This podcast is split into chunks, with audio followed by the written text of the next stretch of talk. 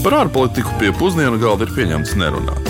Ja vien tās nav diplomātiskās pusdienas. Labdien, un esiet sveicināti mūsu iknedēļas otrdienas raidījumā Diplomātiskās pusdienas. Šī ir mūsu nu jau trešās sezonas otrā otrdiena, ko varam būt kopā. Un šonadēļ mēs dosimies uz otro mazāko valsti pasaulē aiz Vatikāna, bet tajā pašā laikā arī ļoti bagātu valsti. Proti uz Monako, jeb oficiāli Monako firstisti. Jā, nu, pateicoties eh, popkultūrai, eh, Monako tiešām ir viena no atpazīstamākajām valstīm pasaulē, neskatoties to, ka tā ir tik maza. Nu, tā ir radījusi sev noteikti zināmu reputāciju un ir kļuvusi par vienu no ikoniskākajām tā saucamā Francijas Rivieras eh, apgabalu pilsētām. Tā kā šodien noteikti apmeklēsim un izpētīsim, ko mēs par to varam uzzināt. Nu, domāju, ka daudziem mūsu klausītājiem šī valsts varētu būt zināma ar tās slavenāko kazino Monte Carlo vai arī Formula 1 Monako Grand Prix sacensībām, kas ir viens no galvenajiem pasākumiem, ko valsts vispār katru gadu rīko. Nu jā, bet uh, kvēlotākie Jamesa Bonda fani uzreiz valsts atpazīs, uh, ka nekā vesels trīs filmas ir uzņemtas Monte Carlo kazino. Tas ir interesanti, tad Monako ir ne tikai otra mazākā valsts pasaulē, tā ir tikai divus kvadrātkilometrus liela. Un vēl vairāk tā ir arī viena no visblīvāk apdzīvotākajām valstīm pasaulē. Nu, valstī ir 39,000 iedzīvotāji, nu, tas neskaitot visus viesus, kas ierodās. Nu, tā, piemēram, salīdzinot ar Latviju, manāko iedzīvotāji ir saspiesti teritorijā, kas uh, pielīdzinām skansts vai vecāku izmēram. Nu, skans te arī, es domāju, tikpat labi varētu tie 39,000 saspiesties. Bet šis skaitlis patiesībā ir vēl lielāks, jo mm, valsts iedzīvotāju skaits palielinās vairāk nekā divas reizes, jo katru dienu no Francijas un Itālijas ierodas no nu, aptuveni 50,000 strādnieku. Nu, par to, kā valsts nodrošina savu augstu attīstīto ekonomiku, bagātu ekonomiku, kāda ir kazino loma un kā man risina pārapdzīvotību mazās teritorijas dēļ, nu, tad mēs tālāk parunāsim pamatēdienā. Bet tagad klausīsimies, ko par Monako zina mūsu mūsu iedzīvotāji. Monako, kas ir dzirdēts? Monako, liekas, turismu pilsēta, pilsēta valsts. Monako, Itālija, jūras siltums. Viss laikam. Nav daudz ko pateikt. Nu, diezgan bagāta. Asociējas gan jau tā galvenā asociācija būtu, es domāju, kā formula. Uh, Rallijas droši vien vai tās uh, kaut kādas sacensības, kas tur notiek ātras un droši vien bagātība liela. Ir dzirdēts, jā, maza valsts sava karaliene, man liekas, ja es nemaldos. Monako asociējas ar um, nilzirgiem. Labi, vēl kāda asociācija var būt bez dzīvniekiem? Mm, jūra. Runājot par Monako, vajadzētu jāsāk noteikti ar valsts ekonomiku, kas ir šī gadījumā ne tikai katrai valstī neatņemama tās sastāvdaļa, bet Monako gadījumā tāpat ir uzskatāms par valsts vizītkarti. Respektīvi, ekonomika ir, ir vizītkarti. Jo, nu, aicinot turīgākos un bagātākos pasaules iedzīvotājus, ārzemniekus izbaudīt dzīvi šajā paradīzes valstī, nu, tas ir kļuvis par teikt, zīmolu, jeb brendu. Nu, jā, tomēr paradīzes valsts tā vienmēr nav bijusi. Nu, tā varbūt daudz nezinās, bet vēl 19. gadsimta sākumā Monako valsti veidoja aptuveni tūkstotis zemnieku. Un tad Monako eksistēja ļoti liela nodokļa, un saskroties ar iespējamos atcelšanos vai arī bankrotu valstī, bija nepieciešams ātrs un efektīvs risinājums, un atbilde ir kazino. Jā, azartspēles. Nu, jā, tā laika valsts uh, vadītāja Čārlis III un viņa māte Princese Karolīna pārliecināja kazino magnātu franču uzņēmēju François Blānu pārcelt savu slaveno Badu Homburgu kazino uz Monako. Tādējādi Monako ekonomika sāka ļoti strauji augt. Papildus tam 19. gadsimta beigās tika atvērts dzelzceļa savienojums ar Franciju, kas atviegloja turistu apmeklējumu. Protams. Nu, jāsaka, ilgus gadsimtus Monako ekonomika bija gandrīz tikai atkarīga no viena ienākuma avota kazino un tikai ar Monako princi Reinieru III valsts ekonomika sāka mainīties. Viņš diversificēja savus ieņēmumus, lai padarītu valsti mazāk atkarīgu no azartspēlēm. Un tagad kazino veido tikai 5% no Monako kopējiem ieņēmumiem. Bet vairāk par to, kā Monako kļuva par kazino lielvalsti un kā kazino mūsdienās ietekmē Monako ekonomiku, jautājumu Rīgas Stradiņa Universitātes starptautiskā biznesa un ilgspējīgas ekonomikas studiju programmas direktoram, katedras vadītājam, doktoram Romānam Putānam. No zinātniskā un ekonomiskā teorijas viedokļa es teiktu, ka atbildi šo jautājumu skar gan ekonomikas klasiķus, Tā skaitā Ādams Smits ar absolūtām priekšrocības teorijām vēl no 18. gadsimta beigām, gan, gan Rikārdo Deividu ar salīdzinošiem priekšrocībām īsi pēc tam, gan arī mūsdienu ekonomikas teorijas zinātniekus. Tā skaitā Nobela laureāts, nu, piemēram, Paul Krūgman, ja, ar iekšnozaru specializāciju un ekonomiskās geolokācijas koncentrēšanos. Un citus analītiķus, kas uzsver tieši klientu preferences, jeb nu, tādas vajadzības, klientu izvēles. Īsti varētu pārfrāzēt, ka ir klienti, kas to vēlas, ir pieprasījums, nu tā tad būs arī piedāvājums. Proti, ko tas viss nozīmē? Ka atsevišķas nu, monēto absolūto priekšrocību kopas, piemēram, lieliski laikapstākļi, fantastiskās mašīnas ielās, superīgas jahtas zilajos, siltajos ūdeņos un citi tādi turisma aspekti piesaista noteikta dzīvesveida baudītājus, kuriem līdz nāk nauda. Šo naudu savukārt valsts ekonomika mēģina noturēt dažādos veidos, tā skaitā piedāvājot arī tiesiski un, un profesionāli, finansiāli pievilcīgas priekšrocības. Proti, veidojas vieta, kas pievelk un notur nautī, naudīgu dzīvesveidu, daļa no kura ir kazino. E, nu, ir jāuzsver šeit arī, ka tas pievelk vēl citus dzīvesveidus, ja kuriem patīk tas pirmais minētais, kaut vai novērot, sakot līdzi, mācīties no tā, uzturot nu, šīs vietas, kur ir pievilkusi šo naudīgo dzīvesveidu popularitāti. No biznesa, jeb uzņēmējdarbības teorijām, šo fenomenu, manuprāt, izskaidro arī tā saucamā zilā okeāna stratēģija, kas paredz, ka tu kā uzņēmējs spēj radīt un marketēt tādu produktu vai pakalpojumu, kuram kaut uz brīdi nav konkurence ar citiem. Un te iedomājieties vārds Monte Carlo. Domāju, ka to vārdu kā tādu, pat tad, ja nezinu, kas tas ir, ir dzirdējuši daudzi. Ja, tas liecina par zīmola atpazīstamību. Monte Carlo ir šis kārļa kalns ar šo kazino, tā ir skaitā kazino, bet svarīgi ir, ka tas nav tikai kazino. F1, ja, formula, pirmās formulas trase, startautiski luksus pasākumi, ir attiecīgo tur viesnīca un izklaižu nodrošinājumi, tā skaitā slavena kazino piedāvājums. Nu, skaidrs, ka tas piesaista, uztur un papildina šo iepriekš jau minēto noteikto klientūru. Vēl daži, manuprāt, interesanti tādi ekonomiskās teorijas atvasinājumi, kas arī izskaidro šo monēto fenomenu, ir nu, piemēram, saldējuma pārdošana vienā vietā visā pludmalē, ja, jeb kazino koncentrācija nelielā monēto teritorijā, nu, kas e, pati monēto ir valsts, ja, bet kazino koncentrējās e, ļoti vienā vietā. Šis arī ir ekonomikas teorijā e, parādīts, ka tas ir vistaisnīgākais uh, sabalansējums attiecīgās klientūras un konkurences sadalījumam. Nu, piemēram, Rīgā tam ir lielisks piemērs eh, klā, kāzu kleitu veikals uz avotu ielas. Pats ir droši vien tie veikali. Ja? Un tas nav noticis tāpat, viņi ir viens ar otru kā konkurē, bet viņi ir visi vienā vietā. Nu, teorija parāda, ka tas ir um, efektīvi. Un vēl viena, kas ir arī ļoti, ir nu, tāds um, ekonomiskās integrācijas teorija, nu, jeb koncentrācija, tāds pievilcības likums, ja, ka, ka viena lieta pievelk otru uh, lietu. Monako bagātības īpatnības ja, stiprina šo pašu bagātības sektoru, gan arī piesaista citas uh, īpatnības, citas um, nu, bagātības, ja varbūt tā, tādas īpatnības, citus bagātniekus pašus, citas iespējas bagātniekiem. Un, nu, piemēram, iedomājieties, kāda kompānija, draugu grupa, ja, vai, vai mēs ar jums tagad izdomāsim jaunu azartspēli.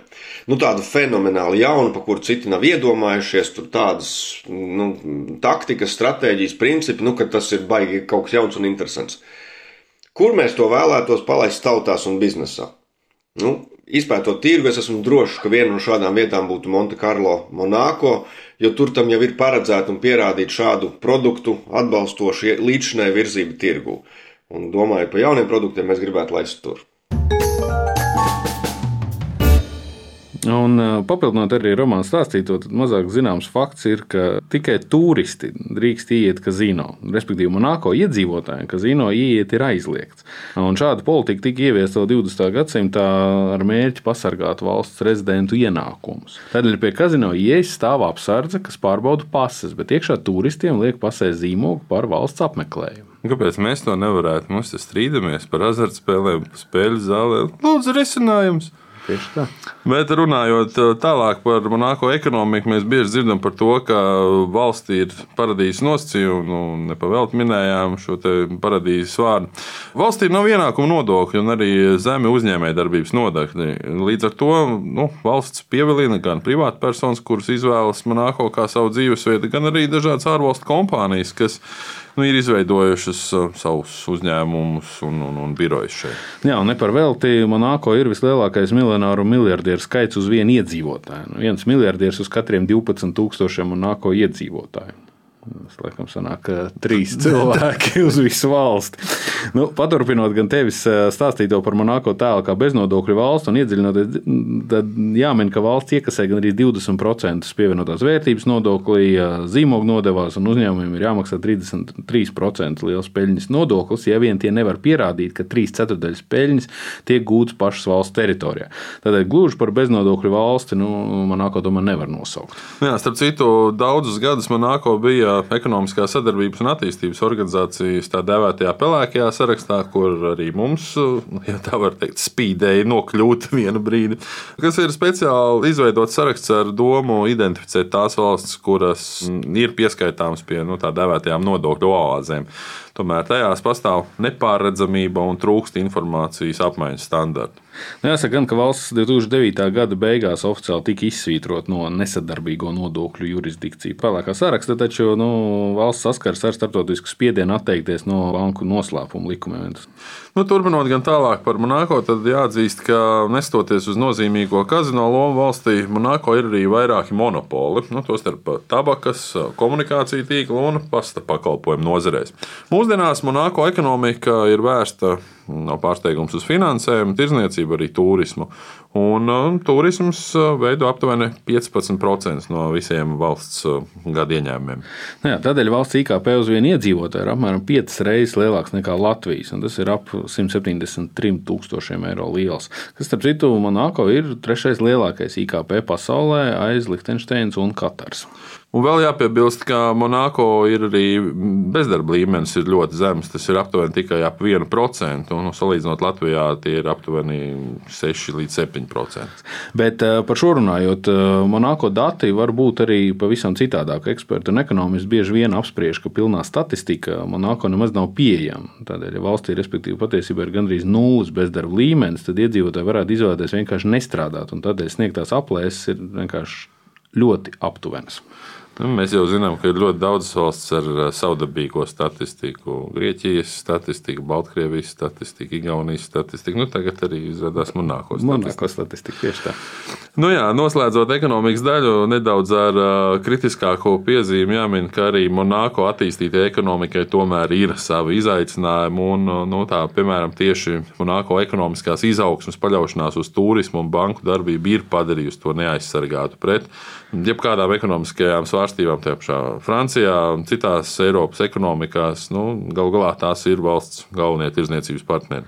Jāsaka, gan, ka saikne ar Franciju redzama ne tikai ekonomiski. Nu, būdam neliela valsts, Francija nodrošina arī Monako armiju, jo nu, vienā gadījumā Monako nav savas flotes vai gaisa spēku. Bet toties ir policija. Un uh, arī vēl viena lieta, ka uz vienu iedzīvotāju valstī ir viens no lielākajiem policijas vienību skaitiem pasaulē. Nu, respektīvi, katriem 80 iedzīvotājiem ir viens policists. Nu, Tehniski tas padara šo par drošāko valstu pasaulē vai par policijaskāko.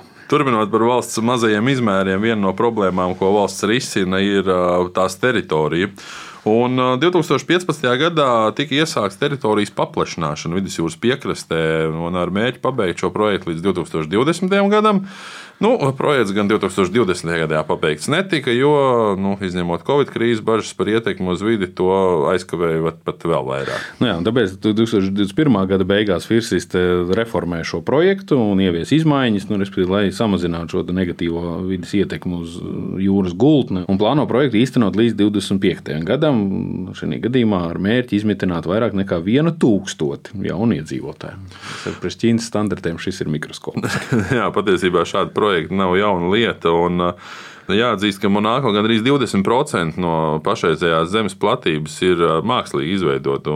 Pirmā paplašināšana sākās jau tālākajā 1865. gadā, kad sākās pirmie darbi, lai izveidotu dzelzceļu. Tad no jūras tika atgūti aptuveni 6 hektāri zemes. Nu, jāsaka, šo Monako paplašināšanos par 10 hektāriem Monako plāno jau 2006. gadā. Tomēr ekonomiskās krīzes dēļ projekts tika nomainīts uz Odeona torņa celtniecību, kas ir augstākā ēka Monako ar 49 stāviem.